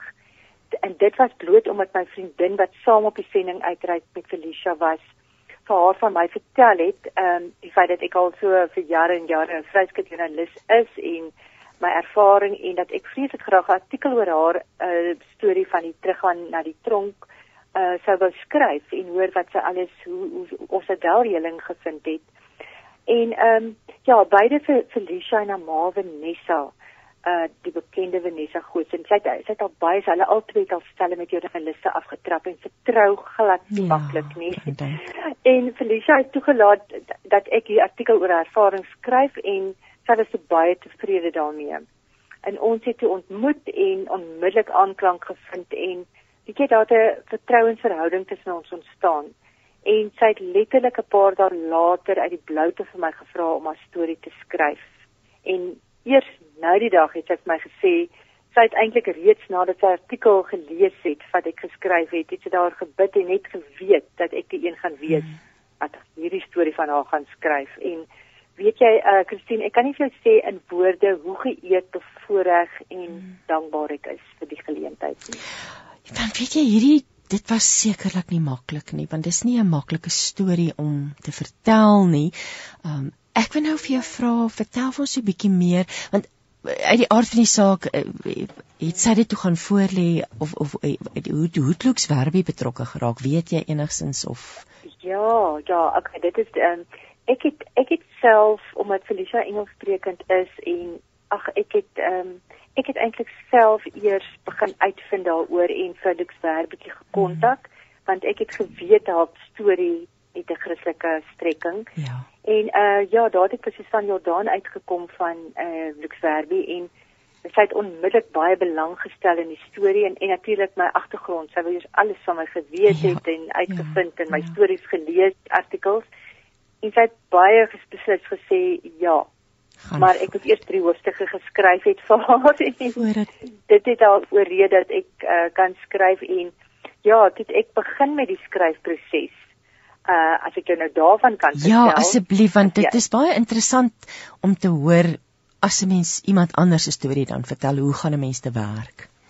Ja, weet jy, ek het nou eers daai ek het my navorsing behoorlik gedoen want ek het aan ma se boek Vanessa se boek Drak Mild 16 years in a tight prison het ek hmm. twee maal deurgelees en die tweede keer het ek aantekeninge gemaak vir die voorbereiding van my vrae want ek het geweet dit is belangrik om daar uit Felicia na ma ek bedoel daar hulle is so ge wil ek sê uh, ek dink sy vas aan mekaar nie, maar hulle het baie, hulle deel so baie dat ek besef het ek moet Felicia uh, uh, Vanessa se boek baie deeglik deurgaan.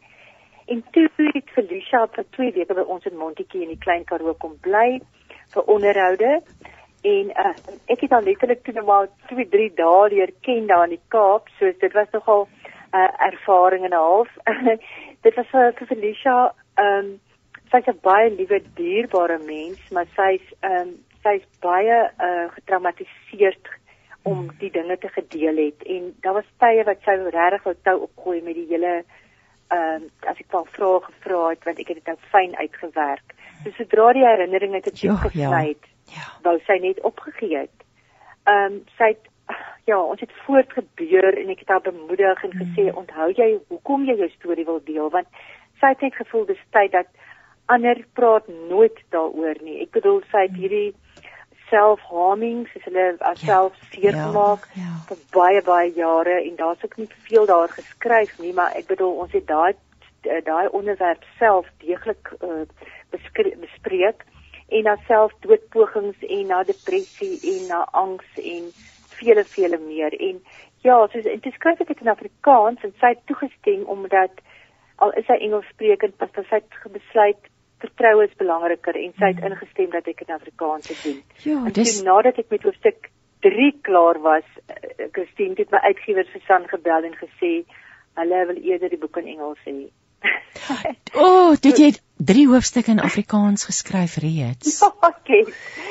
En dit was vir my uh ek het ek dit was my 'n verskriklike skok want sy het gevoel Felicia is Engelssprekend, haar mm. familie is Engelssprekend en kan meer mense bereik. Ja. Nou ja, Ek wil as ek ja. mag wil ek sommer net so die eerste paragraaf uit die boek uit lees. En is eintlik absoluut aangrypend. Dit begin met die woorde Mommy will be home soon, I promise.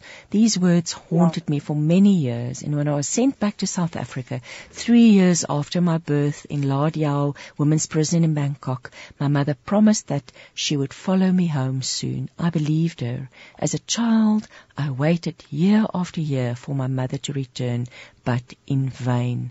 The reality was that she was sentenced to life imprisonment at Lard Yao. Her story of having been being duped into carrying books with 1.7 kilograms of heroin hidden in them made headlines worldwide.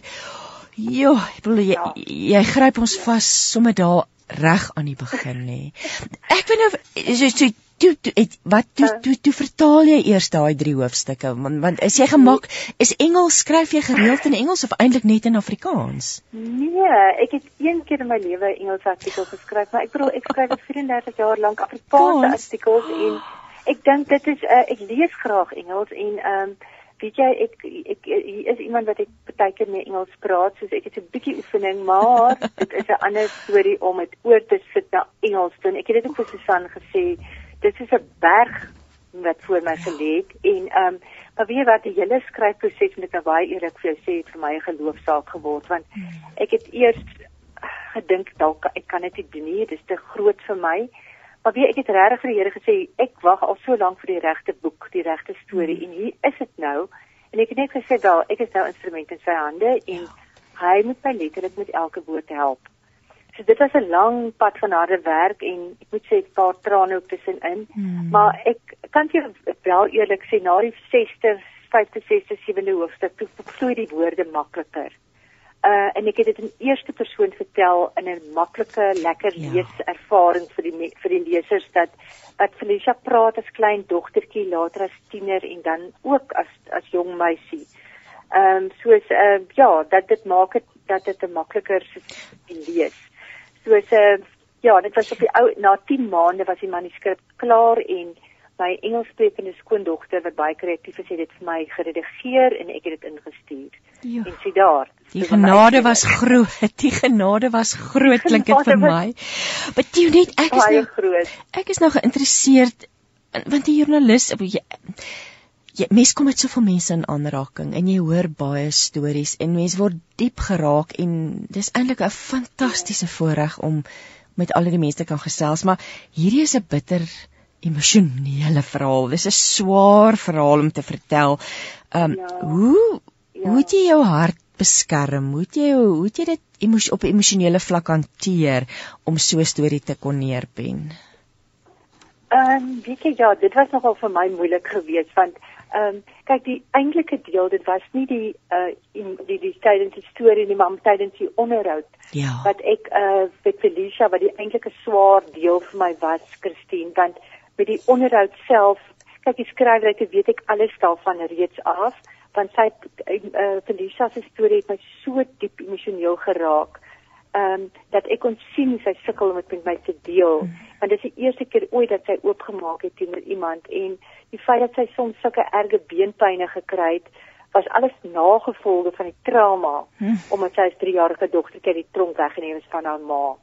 En uh soms moet ek 'n onderhoud staak en dan moet ek eers troos en warm sak aandra, kom bers aandra en op bene laat rus en wat dit ons uitgevat byvoorbeeld om uh, vir 'n cappuccino of iets net om maar 'n bietjie te kalmeer. En so tussen die trane het 'n vordering gemaak, maar dit is my baie baie moeilik vir haar ook. Maar ek het dikwels vir haar gesê Felicia, onthou hoekom jy hierdie storie wil ja, deel. Ja. ja. Ehm um, soos haar storie het my so diep geraak. Ek het uh, maar sy het my so vertrou en ek het werklik die mm. krag en woorde gekry om haar seer te hanteer en haar te vertroos.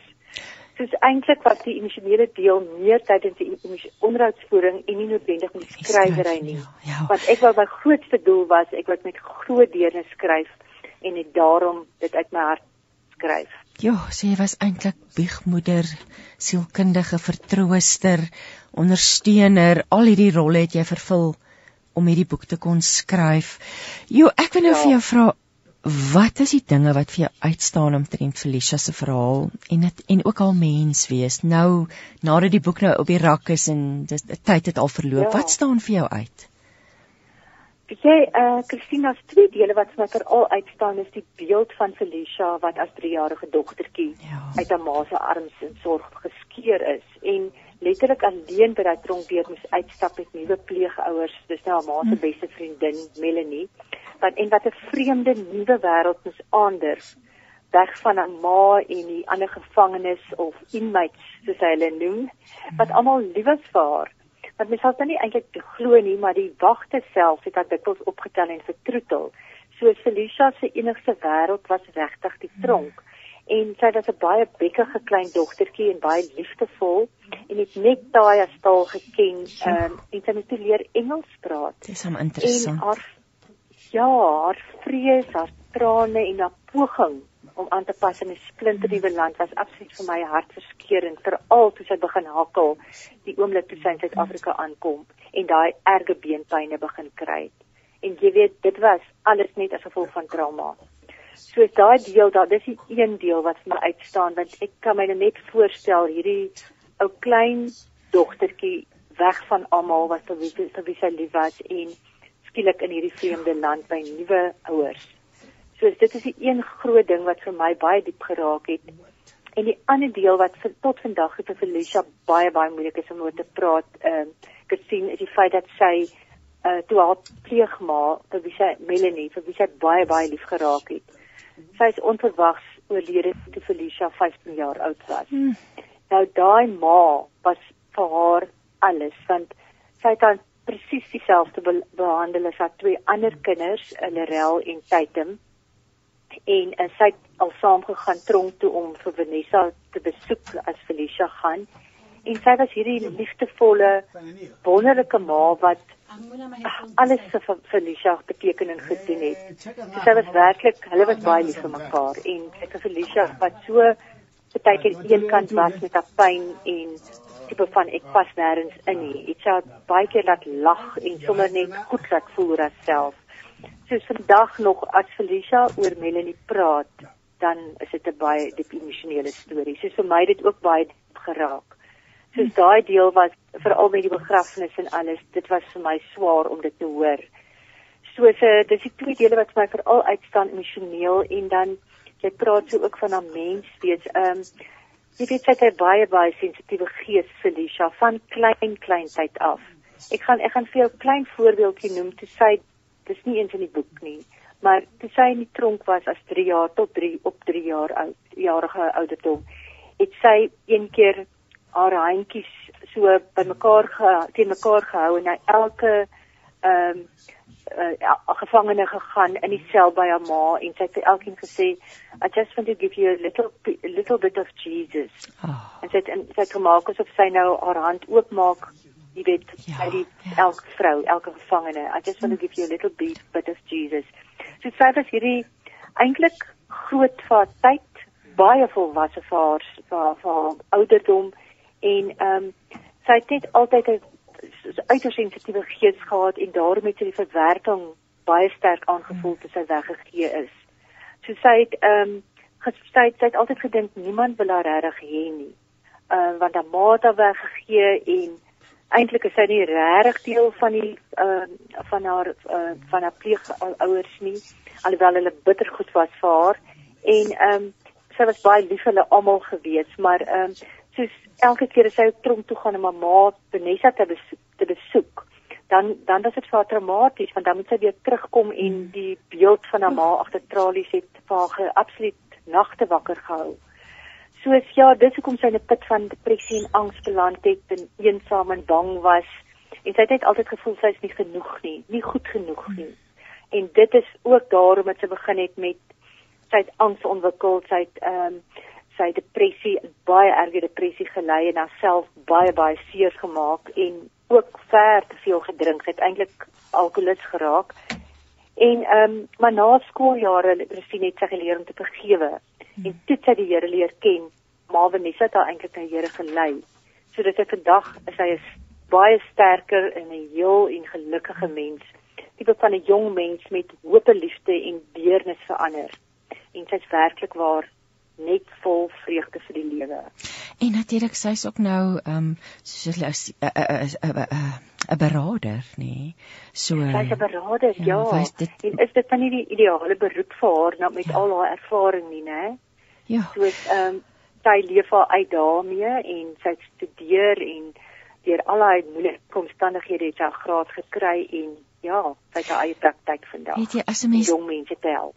As 'n mens lees wat hierdie persoon of hierdie jong mens deurgegaan het. Dit is mens ja. eintlik net verstom weer eens oor die die krag van van die, van die menslike gees nê nee, van 'n gelowige van die hulp van bo dat ons hierdie moeilike omstandighede kan oorkom. Natuurlik ja. geloof en genade die rol daarvan word sterk onderstreep nê nee, mens want sonder dit ja. sou sy aan die ander kant ja, uitgekom het nie.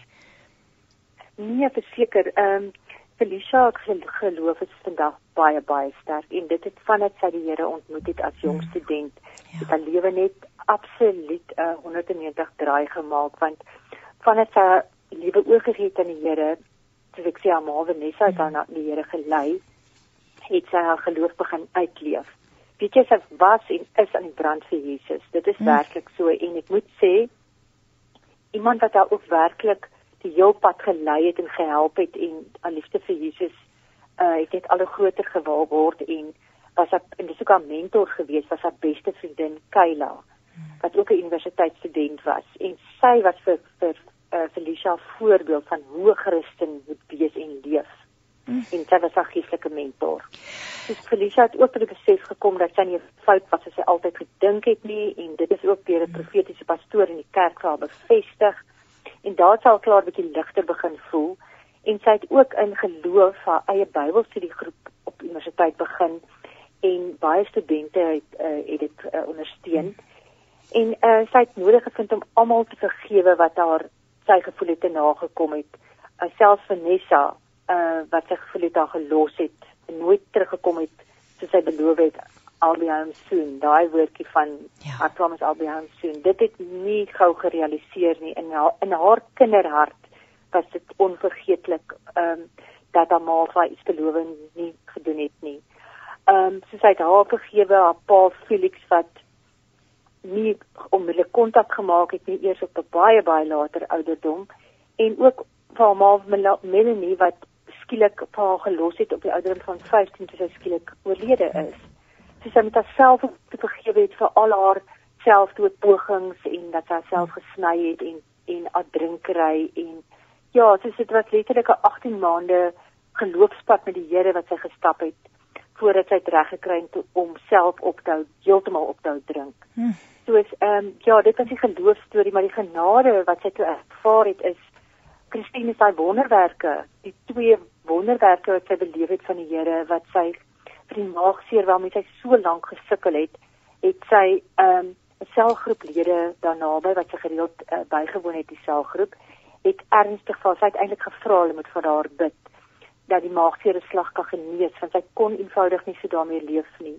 En sy wou nie net van pille afhanklik wees nie. En toe het hulle een keer, twee keer gebid en dit nie gehelp nie. En die derde keer toe sê Felicia vir haarself ook sy glo met haar hele hart dit gaan die keer werk En weet jy sy het letterlik sy's letterlik onmiddellik genees van 'n maagseer. Sy het nooit weer daai vreeslike pyn gekry nie en dit was nogal besonder geweest.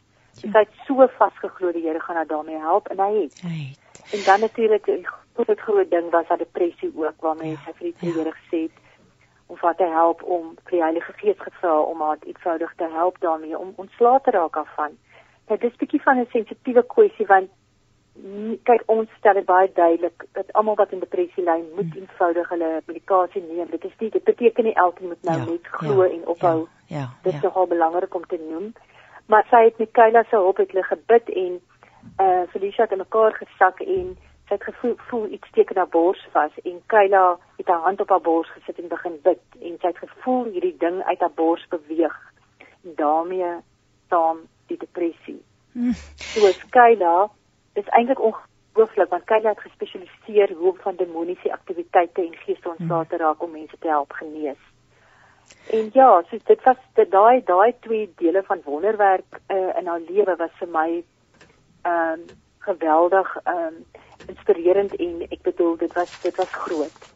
Uh om te weet dat die ja. Here is so ja. kyk kyk kyk wat het hy vir Felicia gedoen. Do you need uh, Ja. Ons gaan kom ons ons gaan nou 'n breek vir 'n bietjie vir 'n musiek, 'n stukkie musiek en dan ons verder gesels. Ek wil met jou gesels oor die sielkundige verduidelikings en sovoorts na die breek, maar kom ons luister eers na musiek en dan gesels ons verder. Hoor die woord en vernuwe jou lewe op 657 AM. 657 AM. Jy luister met hart en siel en ek gesels met Dionette Kok, skrywer van die boek Prison Child, um, Felicia Gosens se verhaal The Story of Vanessa Gosens Daughter word uitgegee deur Lux Werby. Dionette, ek wil nou ons gesprek verder neem en vir jou vra Dink jy en dis eintlik seker 'n onnodige vraag want ek dink dit sal dat hierdie boek ander jong mense wat deur moeilike tye gaan, gaan help om hulle eie pyn te verwerk in die lig van haar storie. Die dinge wat met haar gebeur het is buitengewoon, maar die die die die gevolge daarvan, die trauma, die die die selfharm soos jy dit uh, beskryf in Engels. Ehm um, dis goed wat vandag in jong mense se lewens teenwoordig is. Dink jy hierdie boek gaan help as as 'n jong mens hierdie boek optel en lees? Christine, wie vers seker. Ehm uh, die meeste mense is eintlik altyd geneig om te dink dat hulle pyn en seer kry is uniek. Hmm. Dit wil sê ander mense met ander mense en jong mense en ouer mense met met met probleme baie keer dieselfde Felicia sin maar ook ander uh, anders en dan dink hulle niemand sal verstaan waar hulle gaan nie. Ehm um, daarom praat hulle nie daaroor nie en daar lê in stilte, hanteer hulle depressie en angs alleen en wat dit is baie gevaarlik en dit kan baie keer tot selfdoodpogings lei. Soos ek kan ek kan vir jou noem dat na die bekendstelling van Felicia se storie het daar al reeds mense na vore gekom en erken dat hulle al vir baie jare met dieselfde geestesprobleme worstel waarmee Felicia gesukkel het. Asook met selfbeserings, drankprobleme, verwerping en dat niemand verstaan waar hulle gaan nie. En dat hulle eers stil gebly daaroor, maar dat hulle besef het dit is nie die antwoord nie. Ja, ja. En hy, dat hulle verskriklik dankbaar is dat Felicia hierdie kom ons sê taboe onderwerpe aangespreek het ek sê daai uh, self-harming, die self-seermaakproses wat sy gedoen het, is eintlik uh, iets wat nog nie so baie volop in boeke bespreek is nie en mense is baie keer sensitief daaroor, maar Felicia het dit reguit aangeraak hmm. en dit bespreek en gesê en hoekom sy dit gedoen het en ja, die ehm um, skade ook emosioneel wat dit aan haar gedoen het, maar ehm um, ja, soos dat hulle hulp uh, hulle sal verseker enige een wat daai boek lees, ehm um, wat wat sukkel met dieselfde pro probleme as Felicia sal beslis baat vind daarbey Christine. En, en hierdie boek Present Child kan dit soveel mense help en heling bring. Absoluut. En ek dink daarom is dit die moeite werd om ja. definitief dit te lees. En natuurlik die boek eindig ook met 'n hoofstuk uh, psychological explanations waar 'n uh, kliniese sielkundige verduidelik oor die en verder gesels oor die oor die impak van trauma ehm um, ja. tydens swangerskap, geboorte, verwerping, um, al al hierdie ja. dinge, woede, antidepressante, depressie. So die die die boek bring ook 'n stukkie praktiese uh, praktiese konklusie kan mens amper sê nê. Kom ons gesels ja. Eh, kom ons gesels bietjie oor ehm um, die ja, sommer van die temas wat vir jou in die sterkste in die boek na vore gekom het. Ons dink ons het al eintlik daaraan geraak geloof genade, maar is daar nog iets nog nog temas wat vir jou uitstaan? Ja, wel geloof en genade is nou die uh, ja, dit is die grootste sou ek sê, maar die, die ek sê ek kan eintlik weer herhaal om te sê dat die die kwessies van ehm um, selfbesering, selfharming wat uh, en en selfdood wat die pogings daartoe is eintlik vir my sterk temas wat nog wat nie regtig altyd aangespreek mm. word nie en wat jy met nuwe oë na daarna na kyk want jy besef skielik watter emosionele skade dit kan aanrig. Ehm, um, maar ek sou ook sê dat Felicia weer dat sy al hierdie probleme oorkom het nadat sy vergifnis uh gevind het en hmm. hoop en genade ontvang het om die lewe van oorwinning vandag te lei. Wys net vir jou ook die belangrike tema vergifnis. Ja. Vergifnis. Ja. Want behalwe geloof en uh genade is vergifnis die belangrikste want sy sou niks kon regkry as sy nie sy sou nie eens die hmm. wonderwerke kon ervaar as sy nie vergewe het nie. Al die mense om haar as ook haarself, so dit is dit is baie belangrik om dit so te noem. Want vandag is sy eintlik hierdie sterk onafhanklike 28-jarige jong volwassene wat net kalmte en liefde en deernis uitstraal en haar lewe voluit voluit leef. So Dit is net so wonderlik om te weet dit bly bo alles 'n verhaal van oorwinning. As ek nou vir jou kan vra, watter geloofs- en lewenslesse het jy uit Felicia se verhaal gedeel? Felicia deel van haar eie lewenslesse ook agter in die boek, so ons kan dalk daaroor gesels, maar as jy dalk vir ons 'n paar van hierdie lesse kan of wat het jy ook self geleer het uit hierdie storie kan deel? Ja, wie jy eh uh, Christine verseker want wie het die uh, geloofslesse, ja, ek het so baie geleer by Felicia. Sy is eintlik so jonk, maar so ongelooflik wys. Hmm. Want ehm um, ek kon nie anders as om diep geraak te wees het na na hele storie nie en ek dink die grootste geloofsles wat ek geleer het was om nooit te dink 'n probleem is te swaar vir die Here nie. Hmm. En ek dink ons almal wat 'n probleem het, verskillende probleme, ehm um, ek dink baie keer jy sukkel al vir jare daarmee en die Here sien dit raak. Jy dink later die Here sien dit raak nie, maar ek het geleer om te om te weet nadat ek Felicia se storie ook gedoen het, het ek al meer tot die besef gekom Die Here sien alles raak. Hy ken jou en jou unieke omstandighede en hy sal jou nooit verlaat nie wat jou omstandighede ook al is. So jy, ek het geleer om hom te vertrou met alles in my en hy sal dit dra en swaar tye want jy's kosbaar vir die Here en hy maak nooit foute nie. Hy het jou gemaak en hy maak nooit foute nie soos daai kwessie van gee jou probleme vir die Here en hy mm. sal dit vir jou dra en hy sal dit vir jou nog oplos ook, maar laat dit gaan. Mm. Hy sal vir jou die oplossing bied. Ook 'n wonder, wonderlike uh, les vir ons luisteraars wat jy met ons deel nou vanoggend, ja.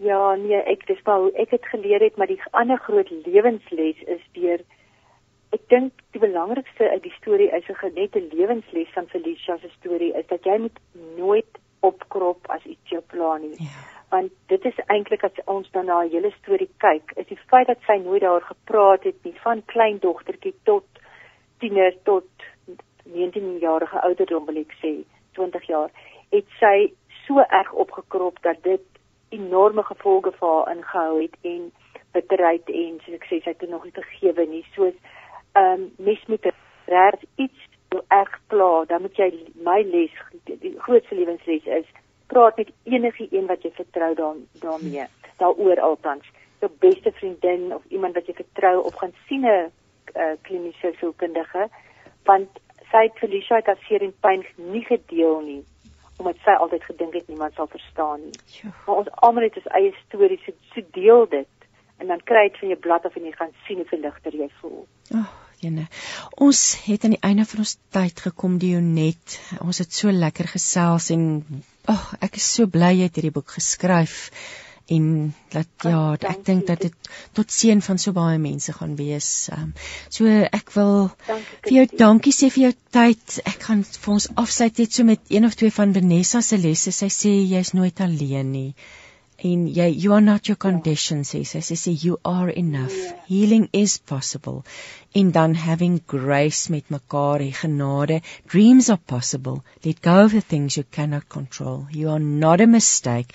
En die krag van liefde. En dan vergewe jouself. Alles so belangrik Jo, Dionet, ek wil net die titel van die boek herhaal vir ons luisteraars. Dit is Prison Child deur Felicia, die storie van Felicia Gosen geskryf deur Dionet de Kok. Dionet, alles wat mooi is vir jou en so baie baie dankie vir jou tyd vanoggend en en en ons wens vir jou alles wat mooi is toe. En mag hierdie boek Dit was 'n groot plesier vir my en ek dit was baie regtig 'n voorreg om vanoggend by jou te praat, Christine. Baie baie, baie dankie. Baie dankie en mag hierdie boek sommer baie mense se lewens aanraak en ja, mooi dag verder dankie. vir jou. Dankie, dankie vir jou net. Baie dankie dieselfde, Christine. Totsiens. Goed gaan, tata. Hoor die woord en vernuwe jou lewe op 657 AM. 657 AM. Hoe vinnig vlieg die tyd nie verby nie. Ons het aan die einde van ons program gekom en ja, liewe luisteraar, ek hoop dat jy die teenwoordigheid van die Here hierdie week sal beleef, um dat jy na stories sal luister van ander en dat jy geïnspireerd sal wees oor die werking van die Here in ons elkeen se lewe. Mag die Here jou seën en ek groet tot volgende week. Totsiens. Hoor die woord en vernuwe jou lewe op 657 AM. 657 AM.